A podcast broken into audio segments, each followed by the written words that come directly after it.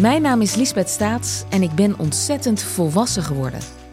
Zo volwassen dat ik zomaar op het punt sta aan de tweede helft van mijn leven te beginnen. Tenminste, dat hoop ik. Maar hoe leid je dat deel van je leven dan een beetje slim en leuk? Dat vraag ik in de podcast Lang zal ze leven aan vrouwen die daar al zijn. Die dat terrein al helemaal hebben verkend en inmiddels uit een enorm reservoir aan wijsheid kunnen tappen. Ik praat onder andere met Annemarie Oster, Petra Lasseur, Annemarie Jortsma en Tineke de Nooi in Lang zal ze leven.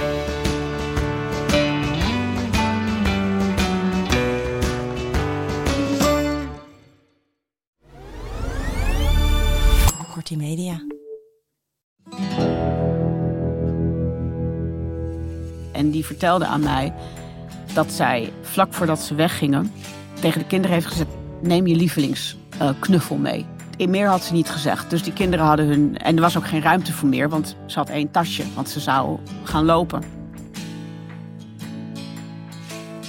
Dit is Gonzo, de podcast waarin we praten met journalisten over dat ene verhaal in hun carrière dat ze altijd is bijgebleven. Het kan zijn omdat het een scoop was, omdat het opzienbarend was, riskant, gelauwerd, ontroerend of onthullend. Of gewoon omdat het een goed verhaal was. Mijn naam is Merel Westerik. Tegenover me zit Frans Lomans, oud-hoofdredacteur van Sportweek Panorama en Nieuwe Revue. Ik kan het rijtje inmiddels Ja. dromen, Frans. Je hoeft het niet meer op te lezen. Nee, oké, de volgende keer doe ik het niet meer. Het recept is simpel. We nodigen één journalist per keer uit hier in de WPG-studio's in Amsterdam. Het verhaal moet gepubliceerd zijn. Andere vereisten. Ja, we moeten het een goede journalist vinden. We moeten het een goede journalist vinden en ze moeten het eens zijn met de keuze. Hè? Soms kiezen ze zelf een verhaal, soms dringen wij ze iets op. Met heel lichte dwang. Mag ik dat Met- erbij zetten? Want soms vinden we een verhaal lichte. zo bijzonder dat we zeggen: Ja. Oh, zou je niet deze willen doen? Ja. Maar- dan la- wel met een pistool op het hoofd. Dus lichte, lichte dwang klopt helemaal niet. Ik weet niet wat jij allemaal doet als ik er niet bij ben. Maar Ik bedoel maar. ik vind het het mooist als ze zelf kiezen.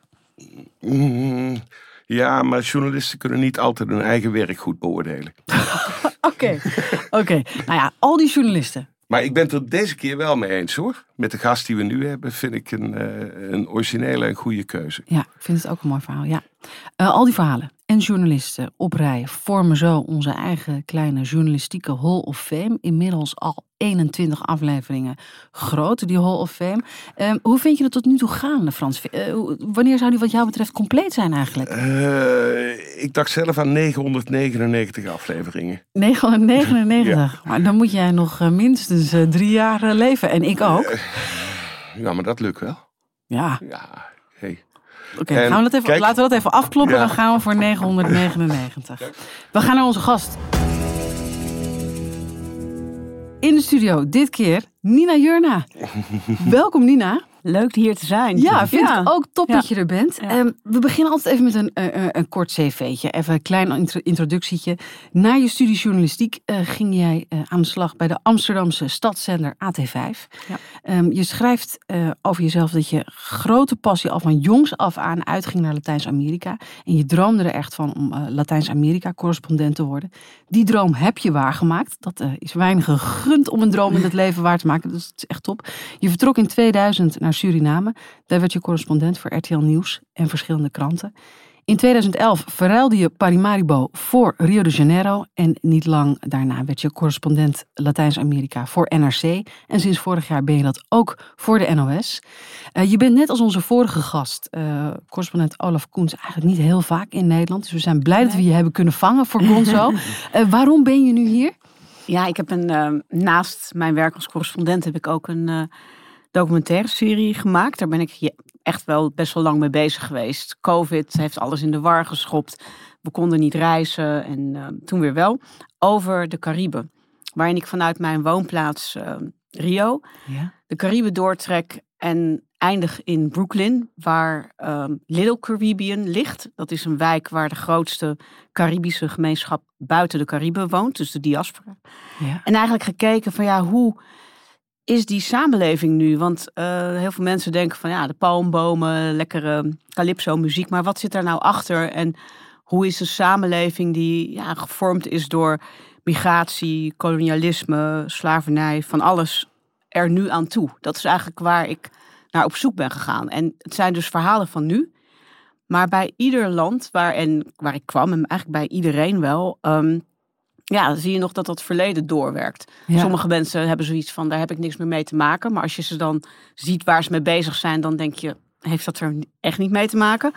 Maar ook bijvoorbeeld de muziek die geworteld is in, nou ja, misschien nog wel Afrika, maar ook Europa. En de enorme mix die daar heeft plaatsgevonden is vrij uniek.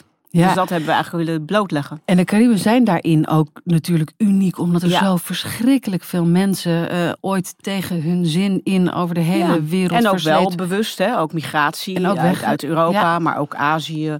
Inderdaad, slavernij zijn miljoenen mensen eh, ontvoerd en daar naartoe verscheept. De oorspronkelijke bewoners, hè, groepen inheemse die eh, sinds de tijd van Columbus eigenlijk zijn uitgemoord, maar er ook nog zijn. Dus dat we hebben Ja. we ook willen laten zien. Van, het is niet alleen maar ellende, het is ook het verhaal van overlevers die, eh, die, die er nog steeds zijn. En dus, dus ja, het zijn verschillende verhalen in verschillende landen. We wilden ook niet in ieder land hetzelfde vertellen. En ehm, ja, dus, dus dat is. En die serie is nu van start. Dus daarom ben ik er om dat een beetje Ja, onder de aandacht te brengen. En hopen dat veel mensen kijken. Wa- Was het een eigen idee van je, deze serie? Nee, ik ben benaderd in 2018 door een, een producent met wortels in Curaçao. En die had echt een droom van. eh, er zijn zo, mensen weten zo weinig over de Cariben. Ehm, en zijn droom was om daar een goede reisserie van te maken. Nou, dat heeft nog heel veel. Het is een heel gelobby geweest. En hij, nou, hij heeft mij erbij betrokken. Toen ben ik wel mee gaan nadenken en het ook meer eigen gemaakt. Want Ja. ik, als correspondent Latijns-Amerika, hoort de Cariben. Ja, dat is ook een beetje mijn, mijn gebied. Ja. Ehm, maar heel veel kwam ik er ook niet. Omdat het ook niet een gebied is waar heel veel nieuws eh, vandaan komt. Nee. Maar de, de, de thema's, die kom ik wel tegen. In, ook in het land waar ik woon, in Brazilië, maar ook in Suriname.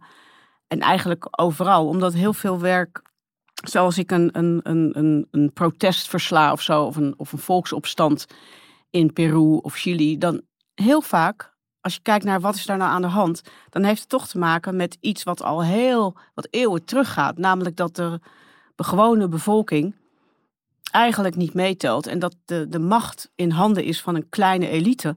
Die ook de machtigen waren tijdens eh, de plantagetijd. Dat waren eigenlijk de voormalige plantersklasse. Dus het is heel vaak, eh, komt dat koloniaal verleden, popt ook op in mijn gewone dagelijkse werk, zeg maar. Dus ik vond het wel heel interessant om daar nou eens een keer vanuit dat perspectief naar die regio te kijken. En dan vooral ook naar het nu te kijken. van Bahia tot Brooklyn, hè? Ja. Ja. Ja. Jij spreekt het heel goed uit. Echt, het was, ik was echt. Zo, ik zat die, slag, in- die slag is jou. Nee, ja, echt. Want sommige mensen spreken en dan zit je in een live uitzending en dan kun je ze niet verbeteren. Nee. Dat is ook zo lullig. Ja. Dat had hier wel gekund, maar Ja. hoefde niet. Nina, ehm, toen we je vroegen om te komen praten over eh, dat ene verhaal uit je carrière eh, dat je altijd is bijgebleven, eh, wist je toen eigenlijk meteen welk verhaal dat moest zijn? Wat mij echt is bijgebleven is het moment dat ik besloot om mee te gaan lopen in een vluchtelingenkaravaan in Mexico. Die eh, op een gegeven moment van start ging. Eh was niet de eerste keer. Er waren vaker vluchtelingenkaravanen. Maar op dat moment gingen er echt 6.000, 7.000 mensen vertrokken vanuit eh, ja, Centraal-Amerika eigenlijk. Door Mexico richting Amerika. En het werd, in de tijd was Trump nog aan de macht. Ook als een soort van ehm, ja, die was heel bang voor, voor, de, voor de vluchtelingen. De tussentijdse verkiezingen kwamen eraan. Dus het werd ook heel erg een soort politiek ding van Trump. Van kijk eens, duizenden vluchtelingen zijn, komen richting eh, de grens. En ik dacht, ja, ik kan, ik kan twee dingen doen. Ik kan naar een soort eindplek gaan waar de mensen allemaal samenkomen. En daar wat quotejes halen en dan weer weg. Maar ik had inmiddels contact met een fotograaf gekregen die echt meeliep vanuit de grens Guatemala en dan Mexico door. En toen dacht ik, misschien moet ik een stuk mee gaan lopen om, om eigenlijk dichter bij de mensen te komen. En wat Ja, is het? Ga, laten we even het verhaal nu eh, gaan plaatsen in de tijd. Oh, ja, Nina, is al een beetje vooruit aan het Ja, lopen op ja. zo'n Sorry, zaken. sorry. Ja, dat maakt helemaal niet uit, want dat is de Terug vrijheid. naar 2018. Dat is de vrijheid van de podcast, dat mag allemaal. Maar het is goed om het misschien eh, even neer te zetten. Het verhaal eh, werd op 4 november 2018 gepubliceerd in NRC. Ja. En de titel van het stuk was Caravaan vreest Honduras nog altijd meer dan Trump. En wat je zegt, 6000 uh, Hondurezen uh, trokken toen al twee weken lang in een lange stoet door Mexico op weg naar Ja. de Verenigde Staten, op weg naar een beter leven. Eh, kregen ook de mogelijkheid om zich te vestigen in Mexico eh, onderwijl, Ja. maar wilden door naar Amerika. Tussentijdse presidentsverkiezingen, je schetste het al. Eh, ja, en zij werden wereldnieuws toen Donald Trump naar hen uithaalde eigenlijk. Ehm, jij zegt, wil ik toch even naar terug, je zegt het heeft mijn blik doen veranderen ook eh, op vluchtelingen Ja. ergens. Ja. Kan, je dat, kan je dat kort omschrijven wat het, wat, het- wat het deed? Nou, doordat ik ehm, meeliep daar en met de mensen eh, sprak, maar ook eigenlijk ehm, een onderdeel werd van de karavaan. Ja. En ik had de luxe dat ik gewoon kon zeggen s'avonds van nou, ik ga even in een pension slapen. Dat Ja. hadden die mensen niet, want iedere dag werd er ergens een kamp opgezet. Wat ook voor heel veel problemen zorgde, want het waren echt duizenden mensen die ja, dan in een dorp terechtkwamen. En dan moest de burgemeester dat maar zien te regelen om die mensen in tenten te huisvesten. Maar het Door het meelopen? door het werd je- meelopen en ook zien en ook. eh, ja, ik, ik, ik, ik begreep dat. ehm, wat je ervoor over moet hebben om je land te verlaten. En dat is niet iets wat je zomaar doet. Met alle gevaren van dien. Er liepen ook heel veel jongeren mee, van 16, Ja, gewoon alleen. ja. Vrouwen met eh, kinderen, met baby's zelfs. Ehm, Dus omdat je er onderdeel van werd en er zo dichtbij werd, ehm, veranderde het je blik erop. ja, het veranderde echt mijn blik. Eh, jij wist wat over Honduras, waar Ja. eh, het overgrote deel van kwam. deze karavaan Ja. vandaan kwam. Ja, ja. Honduras, wat ik ervan weet, is dat het misschien wel het meest criminele land ter wereld is. Ja, en heel gevaarlijk voor ook gewone mensen. Want die wonen in buurten die worden ehm, beheerst door, door gangs. Door, door echt hele gevaarlijke gangs. Ja. Die, die in zo'n wijk, en dat herken ik ook wel van, van Brazilië, een soort van ja, burgemeesters zijn. Omdat die wijken worden totaal door de overheid, door de lokale overheid, die kijkt niet naar dat soort wijken om. Ja, het zijn allemaal klassenmaatschappijen. Dus dit soort arme mensen doen er niet toe. In die wijken zijn de gangs aan de macht. Maar dat betekent ook dat je, ehm, als jij een zoon hebt en die is 13, ja, dan, komt, eh, dan moet hij zich aansluiten. En dat, je doe je, en dat doe je niet vrijwillig. Dat hè, doe je niet vrijwillig. Je wordt, bedoel, je wordt, het is eh, dat of... Of ja, maar je, ook misschien soms heb je geen andere keuze. Ja. Dan is dat, want het is ook een werkgever. Maar ehm, ik wist ook dat, dat meisjes bijvoorbeeld ook, als ze op een gegeven moment volwassen zijn, dat dan ook. En, en zeggen zo'n gangleider die heeft een oogje op dat meisje. Dan wordt ze ook eh, bij de ouders weggehaald. Maar ook mensen die worden afgeperst, die winkels hebben, die moeten een deel van de opbrengst aan de gangs. Dus je, je, wordt, je leeft ook in een onderdrukkend systeem van de gang. En binnen je samenleving behoor je tot de laagste klasse. Dus het is, de mensen zitten in een, in een enorme vicieuze cirkel. Dus dat wist ik van. van eh, en als er zoveel duizenden mensen in een karavaan. Ehm, dat was toen op die beelden. Ik dacht, nee, ik moet, ik moet daar zelf naartoe. En ik moet misschien wel een deel mee gaan eh, reizen. Toen ontstond het idee vanuit ook die fotograaf. En die heeft mij toen ook eh, aangegeven eh, wat de route was en waar ik dus misschien wel makkelijk naartoe kon komen. Hem, hun, hem kon ontmoeten en dan een deel meegaan. En dat was ook, zeg maar, waren we nog iets van drie dagen verwijderd van, eh, ook van Mexico-stad. Waar toen echt een soort van belangrijk eindpunt was. Nog niet het uit- eindpunt, want dat was natuurlijk de grens met, eh, met, eh, met Amerika. Amerika. Ja. Maar het werd wel als een hele grote, zeg maar, de grootste stad, de hoofdstad, als een soort eerste doel om daar aan te komen met 6000 man. Dus ik ben toen, ehm, ik heb het toen overlegd met de krant en gezegd dat ik dacht, Ja, want je, ja, Bent, je, bent, je was freelance, hè? ja, dus, ik eh, was freelancer, ja. Want dan maak je een soort risico-inschatting ook met de, Ja. met de hoofdredacteur van wat kunnen we doen en, en, en wat is voor jou. eh, Ja. Ja, en ik denk achteraf dat we eigenlijk toen nog niet bepaald hebben dat ik echt mee zou lopen. Maar dat ik in eerste instantie de groep eh, op naar een plek zou gaan waar ik ze kon opvangen. Ja. En dan misschien een stukje meegaan. En dat ik toen ik daar eenmaal was, dat ik toen echt besloot van ik, ik kan beter gewoon een, een, eh, ja, een stuk mee gaan lopen. Echt. En anders schiet ik journalistiek tekort. Was dat een beetje de gedachtegang? Nee, of, het, was, of... het was dat ik een, een verschil had, kon maken. Want je kan, je kan natuurlijk, eh, als je daar bent, kan je al een prima journalistiek product maken. Maar ik merkte ook hoe de mensen op mij reageerden. Omdat ik, ik, ja, ik val niet op eigenlijk, hoe ik eruit zie. De mensen zagen, als ik daar gewoon rondliep, uh, begonnen ze ook gewoon tegen mij te kletsen. Ik spreek Spaans. Ik, heb, het was, ik kon ook zeg maar uh, een gewoon gesprekje voeren met iemand zonder direct een interview af te nemen, maar dan wel bijvoorbeeld informatie van, van uh, god, weet u waar we dan straks naartoe gaan? Ja, die zegt dat. Die zegt, en dan heb je al een gesprekje zonder dat ik direct de journalist was. Was dat ook iets waarom het je misschien zoveel deed? Omdat je bij wijze van spreken een moeder had kunnen zijn uit Honduras die niet die zo, niet zou, zou dat. kunnen doen, dat je dat voelde? Nee, dat niet. Maar meer hoe de mensen um, op mij reageerden, omdat ik niet direct. Kijk, als je, als je daar. Er waren ook natuurlijk journalisten die uit, uh, uit Europa kwamen met camera's of zonder camera's, maar wel echt opvielen als zijnde van uh, eh, 1,80 meter tussen de korte Midden-Amerikanen. En ja, ik, ik viel daar niet op. Dus ik kon ook heel, ik kon ook gewoon. Um, je hoort, je vangt ook meer gesprekjes op. Je, je kunt. Uh, en toen dacht ik, ik, ik, kan veel, ik kan dicht bij deze mensen komen. En er zit een veel groter verhaal in. Dan alleen je gaat met een karavaan mee. En, en, en ook eh, je gaat een totale onzekere periode in. Je, gaat, je weet totaal niet waar je, waar je eigenlijk naartoe gaat. Alleen dat je met een groep bent. Wat heel veel mensen ook een veilig gevoel gaven. Van we zijn met een hele grote groep. Maar dat bleek ook wel een enorm obstakel te zijn. Omdat, en dat ontdekte ik eigenlijk pas in de karavaan. Er een NGO achter zat die ook een eigen Zeg even wat dat is. Uh, een NGO, ja, een, een, er was een organisatie, hè, een, een non-governementele organisatie, die heette Pueblo Sin Fronteras, uh, Volk zonder grenzen.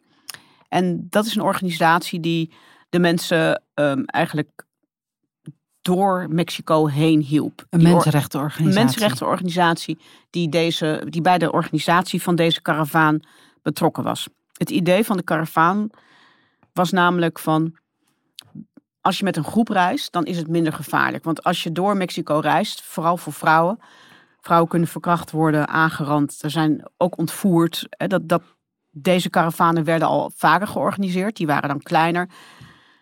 Om de mensen een veiliger, um, ja, veiliger door Mexico te sluizen. Maar nu was het de grootste karavaan. En deze mensenrechtenorganisatie, die had eigenlijk ook als doel om Amerika en Trump onder druk te zetten van wij komen en uh, je, je, je, uh, je kunt niet om je ons kunt heen. Niet om ons heen. En je kunt wel denken dat je een muur kan bouwen en dat je de, de uh, xenofobische slogans de wereld in kan gooien, maar wij komen. Dus die hadden een eigen agenda. En dat ontdekte ik in de, in de karavaan, omdat het totaal eigenlijk onverantwoord was om met zoveel mensen gewoon een kleine stad of een dorp binnen te komen. Wat was daar onverantwoord aan dan, Nina? Nou, je, je, er was bijvoorbeeld een situatie, kwamen we ergens aan. En de burgemeester, die, ja, die had maar een soort veld. Die zei van, ja, ja, ze moeten maar op het veld. En je krijgt situaties met uh, uh, regen, mensen die daar in de buitenlucht, kinderen. En de, ja, het was eigenlijk een soort mensonterende situatie. Maar omdat... Want je moest een dorp creëren uh, voor één dag voor 6000 man. Voor, dat kan natuurlijk niet. En nee. dat kan zo'n, uh, je kunt dan de burgemeester onder druk zetten. En dat gebeurde eigenlijk ook. En toen zag ik ook wel van ja, dit is, die mensenrechtenorganisatie heeft echt een eigen agenda. En denkt ook niet echt aan de mensen. Want het is natuurlijk veel beter als je zo'n karavaan zou opsplitsen. En zou zeggen van oké, okay, we, gaan in we gaan in groepen ja. gaan wij reizen. Ja. Maar zij wilden een grote massa ja. om indruk te maken. En, om en dan moet je als journalist ook nadenken van oké, okay, waar ga je...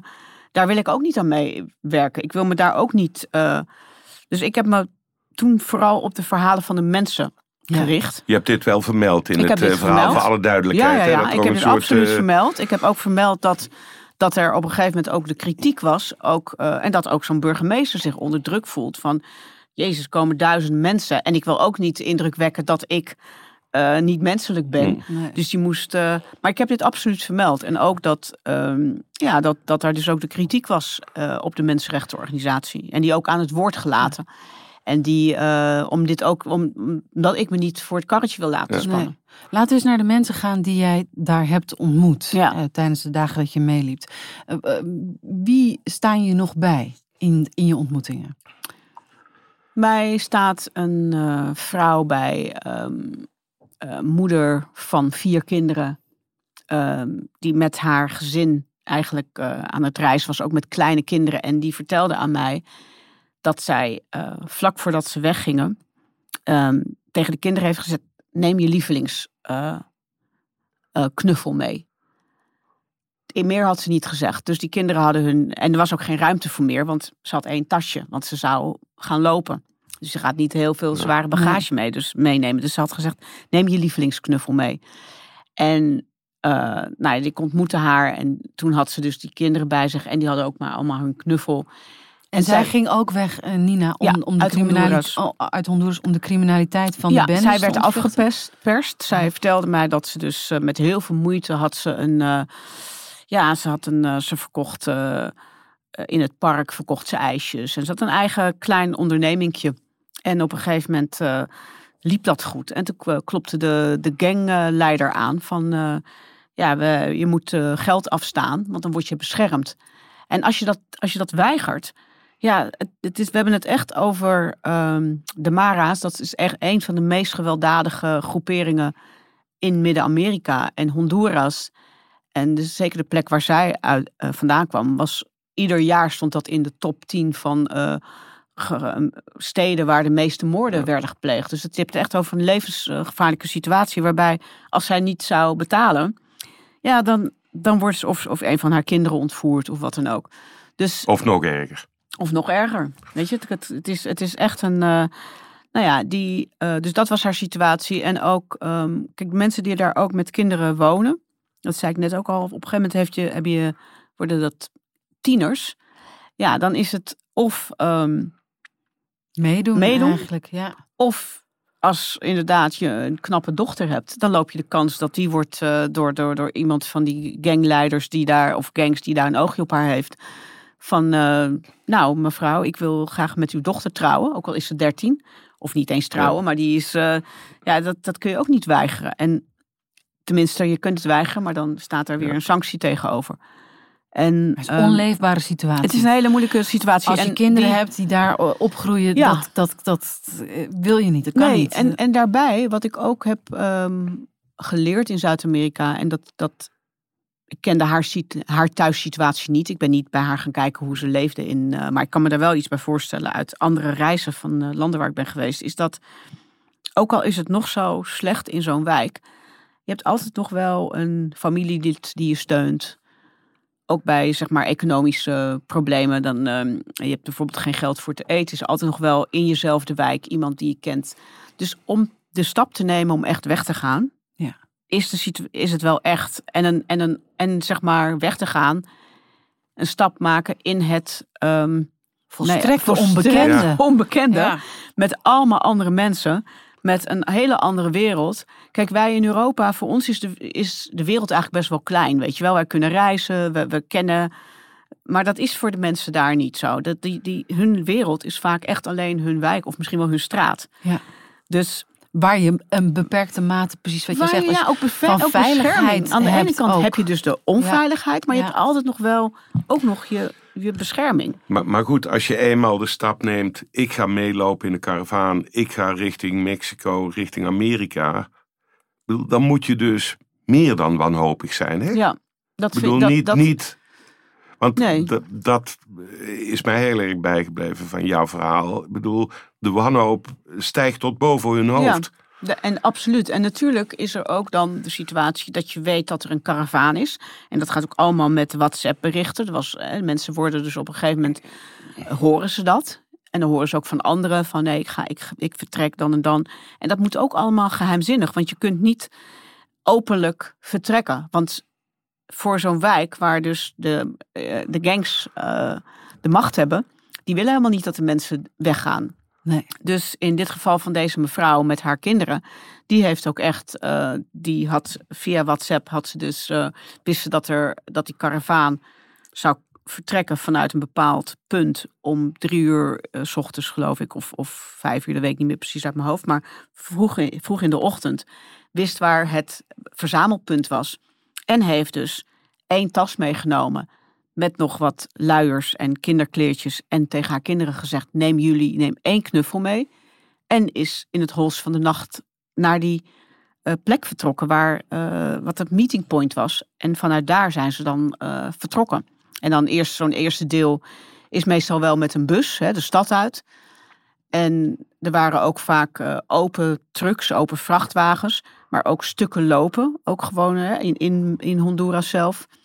Ehm, zij is dus ook veel langer van tevoren vertrokken dan het moment dat ik mij aansloot in, eh, in de karavaan. Was zij dus echt al weken onderweg. En de grens van Guatemala, daar kwamen dan veel mensen samen. Dus Honduras waren de meeste mensen, maar er waren ook mensen uit Guatemala, ook uit, uit El Salvador. Ehm, en de grens Guatemala was echt een moment van, als wij nu de grens oversteken, dan zijn we in ieder geval in Mexico.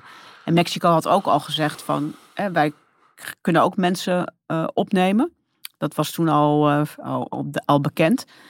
Maar ja, voor deze mensen, die willen het liefst naar Amerika. Want zij vinden, ja, hoewel Mexico is dan wel een, is dan een betere situatie dan waar ze vandaan komen.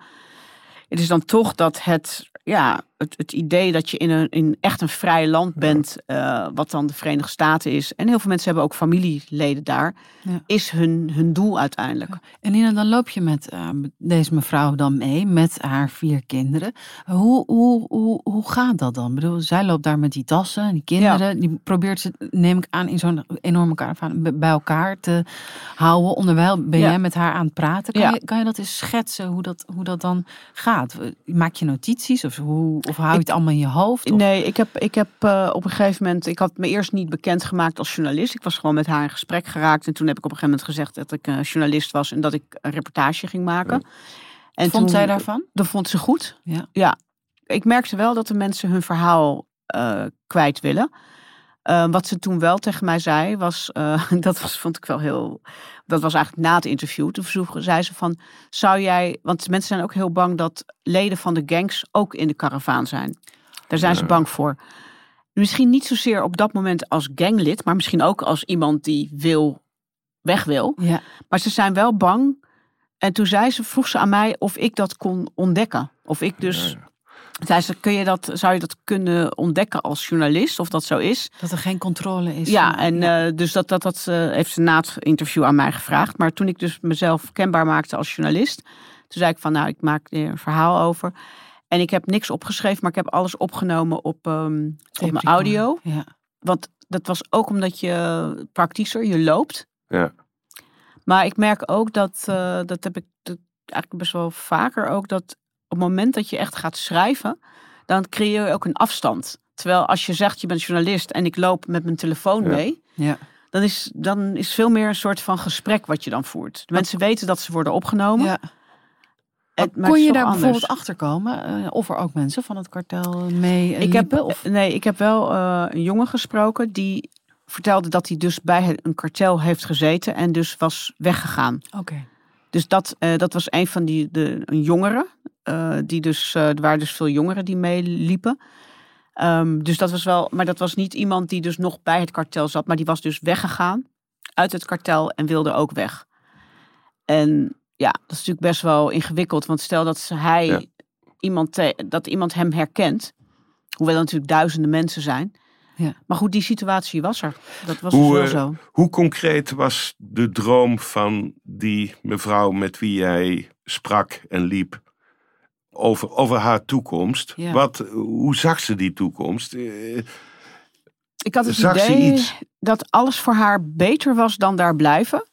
Eh, dat merkte ik ook omdat ik haar later weer in Mexico stad heb gezien. Dus ik heb haar. ehm, we hebben ook nummers uitgewisseld, want ik ging met haar een, stuk meelopen. Op een gegeven moment, eh, vrouwen met kinderen, die konden, kregen ook makkelijker een plek in de open truck. Daar konden ze dan, eh, zeg maar, kilometers eh, in, in een open vrachtwagen reizen. En daar kwam zij op een gegeven moment ook voor in aanmerking. En ik had afgesproken met haar dat ik haar ook in, in, de, in de hoofdstad weer wilde ik haar ontmoeten. Want daar hadden ze een heel groot ja, vluchtelingenkamp eigenlijk opgetuigd. Dat, daar was de, was de regering al mee bezig. Want die wisten natuurlijk dat die mensen daar uiteindelijk terecht zouden komen. En toen ik haar daar weer sprak, toen was ze al zo opgelucht dat ze daar in Mexico in de hoofdstad was. Dat ik me afvroeg of zij echt nog door zou gaan reizen. Ook omdat uh, toen bekend werd dat Trump ook allemaal militairen en, en gewapende uh, mensen naar de grens zou sturen. En zij merkte dat ze dus. Uh, en, en Mexico had gezegd dat ze ook mensen konden opnemen. Dus ik heb. Ik had het idee dat zij toen heel erg zoiets had van misschien moet ik hier proberen um, iets op te bouwen. Ze zei van ik kan uh, in de in, in de ik kan als schoonmaakster gaan werken. Ze kan uh, ze, had, ze had ook familie in, in de hoofdstad. dus ik had zelf een beetje het idee dat dat. Ze wel eens zou kunnen blijven. Ja, en, en dat zij voor haar vooral heel belangrijk was, is weg uit de onveiligheid. Um, hier word ik goed behandeld door, door die opvangers. Hè. Dat was, die situatie was echt wel uh, in dat vluchtelingenkamp natuurlijk tijdelijk, maar wel heel menselijk met een, met een uh, medische post. En met, nou ja, mensen hadden blaren en hadden weet je, enkels verswikt en zo. Dus ze werden daar ook allemaal behandeld. En, en ja. je zegt, je had het idee dat zij dus na Mexico niet verder zou gaan. Ja. Uh, hoezo zeg je dat zo? Want je had haar nummer. Weet, je, weet jij niet hoe het met haar is afgelopen? Nee, dat is dus heel jammer. Omdat ik op een gegeven moment... Uh, ik heb haar nog um, uh, gesproken toen ze op een gegeven moment wel weg is gegaan uit Mexico-stad. Wel naar de grens is gegaan. Dat was ik wel verbaasd over. En daar zei ze toen, dat was het laatste contact... Toen zei ze, ja, ik vind het hier zo angstig omdat er dus militairen aan de overkant zijn. En ik weet niet of, ik de, of, uh, of wij hier levend uh, weg kunnen komen. Dat ze, dat ze van plan was om misschien weer terug te gaan naar Mexico-stad. Om daar toch te proberen om iets op te bouwen. Ik heb haar, ze heeft daarna nooit meer gereageerd. En als ik dan een WhatsApp-bericht stuur, dan zie ik één streepje. Dus het is het, ik heb ook geprobeerd te bellen. Ik ben dat contact kwijt is, is ja, dus er is maar zes uit de lucht. Hoe gaat dat dan in jouw hoofd, Nina? Want, want dat kan betekenen dat zij of haar telefoon is kwijtgeraakt. Ja, of er is iets met haar gebeurd. Er is iets met haar gebeurd. Ja. Of er. Uh, ja, dat is heel pijnlijk. Want ik heb, ik heb toen nog wel geprobeerd uh, te achterhalen of er inderdaad ook mensen. Uh, hè, dat, dat, zijn er mensen inderdaad overleden? Zijn er echt. Maar ja, je, je kan dat helemaal niet achterhalen. En ja, op een gegeven moment moet je dat afsluiten. Je kunt niet. Nee. Kijk, ik ontmoet ook natuurlijk zoveel mensen in mijn leven als journalist waar je op een gegeven moment niet weet hoe het verder met ze gaat. Je bent geen hulpverlener. Ik ben geen hulpverlener. Ik, ben, ik, ik moet dat ook afsluiten. Ik heb uh, zo, zo goed mogelijk, hoop ik, haar verhaal kunnen vertellen. En wat voor mij belangrijk was, om ook van. Um, wat voor mij de, de switch echt was: van ja, deze mensen gaan niet. Je moet echt desperate zijn om deze stap te maken. Ik vind dat um, wij heel vaak heel makkelijk denken over van vluchtelingen. Ja, ja. Mensen die komen maar en massaal. En, Sterker nog, ze worden soms gelukszoekers genoemd. Ja, gelukszoekers genoemd. En ik heb door mijn werk en door de karavaan, niet alleen door de karavaan, maar ook wat ik in Venezuela heb gezien en um, in Zuid-Amerika. Uh, je moet echt ontzettend, uh, niet alleen wanhopig, maar ook, ik zou zeggen, moedig zijn om zo'n stap te durven zetten. Want je gaat totaal het, het, het onbekende in. En, en um, bijna niet vrijwillig. De, ja, dat, je gaat niet, want waarom, zou je, waarom ga je weg? Ja. Je hebt altijd nog, ik heb, ik heb een vrouw, die heb ik vaker ook in Venezuela geïnterviewd. Zij woont in een sloppenwijk. En ze, zij, haar dochter is al gevlucht naar Colombia. Zij kan in principe, zou ze weg kunnen. Zij leeft in die sloppenwijk onder hele slechte omstandigheden. Ik heb haar, als ik in Venezuela ga, ben, probeer ik haar altijd te interviewen ook weer om te kijken hoe het met haar gaat en zo. Zij zegt van, Nina, ik kan altijd nog wel ergens iets te eten vinden, want ik heb in ieder geval mijn mensen in deze wijk. Ook als het gevaarlijk wordt met uh, de situatie met Maduro daar. Ze zegt, ik kan altijd nog wel ergens.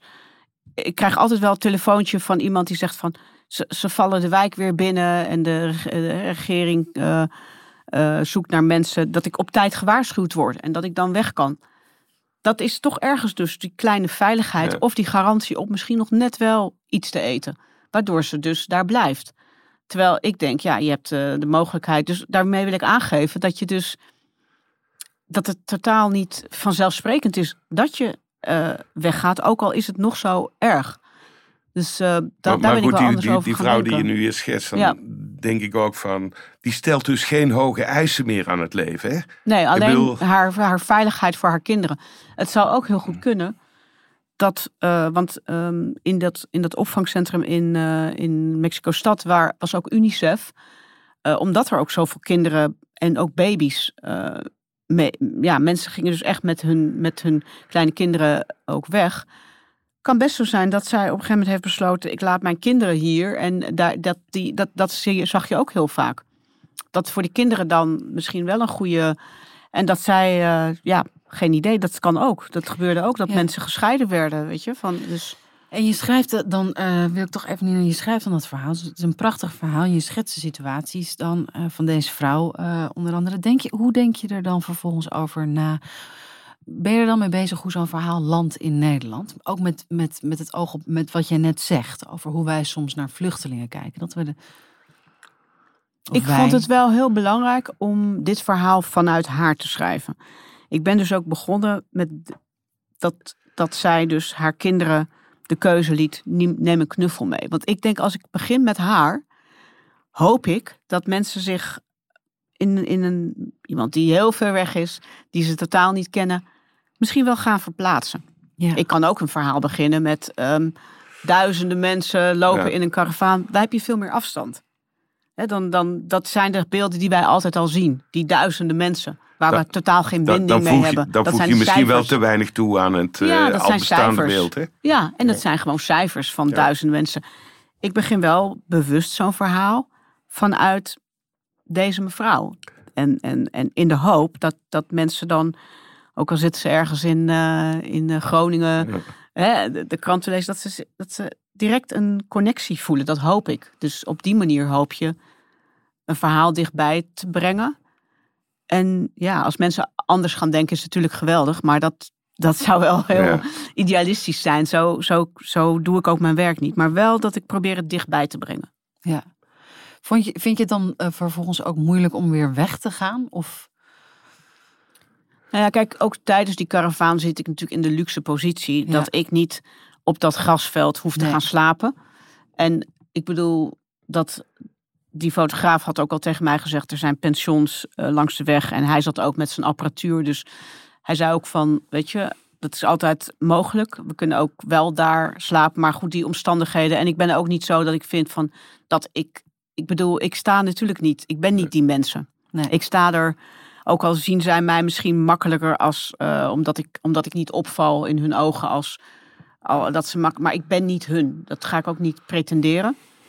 Dus in die zin, ehm, het is, en het is ook zo als ik het verhaal heb opgeschreven, dan is het voor mij ook wel een soort uiting van, ja. niet een afsluiting, want ik blijf wel proberen natuurlijk het verhaal te volgen en ook de mensen, maar Ja. ik heb wel, ja, ik ga dan ook weer verder, zeg maar. Dus, Ja, dan, dan is er weer een volgend verhaal wat verteld moet. eh, ja. bedoel, Dus want ik- en- dan ben je ja. natuurlijk als journalist. Hè? Je bent verhalen vertellen. verhaal vertellen.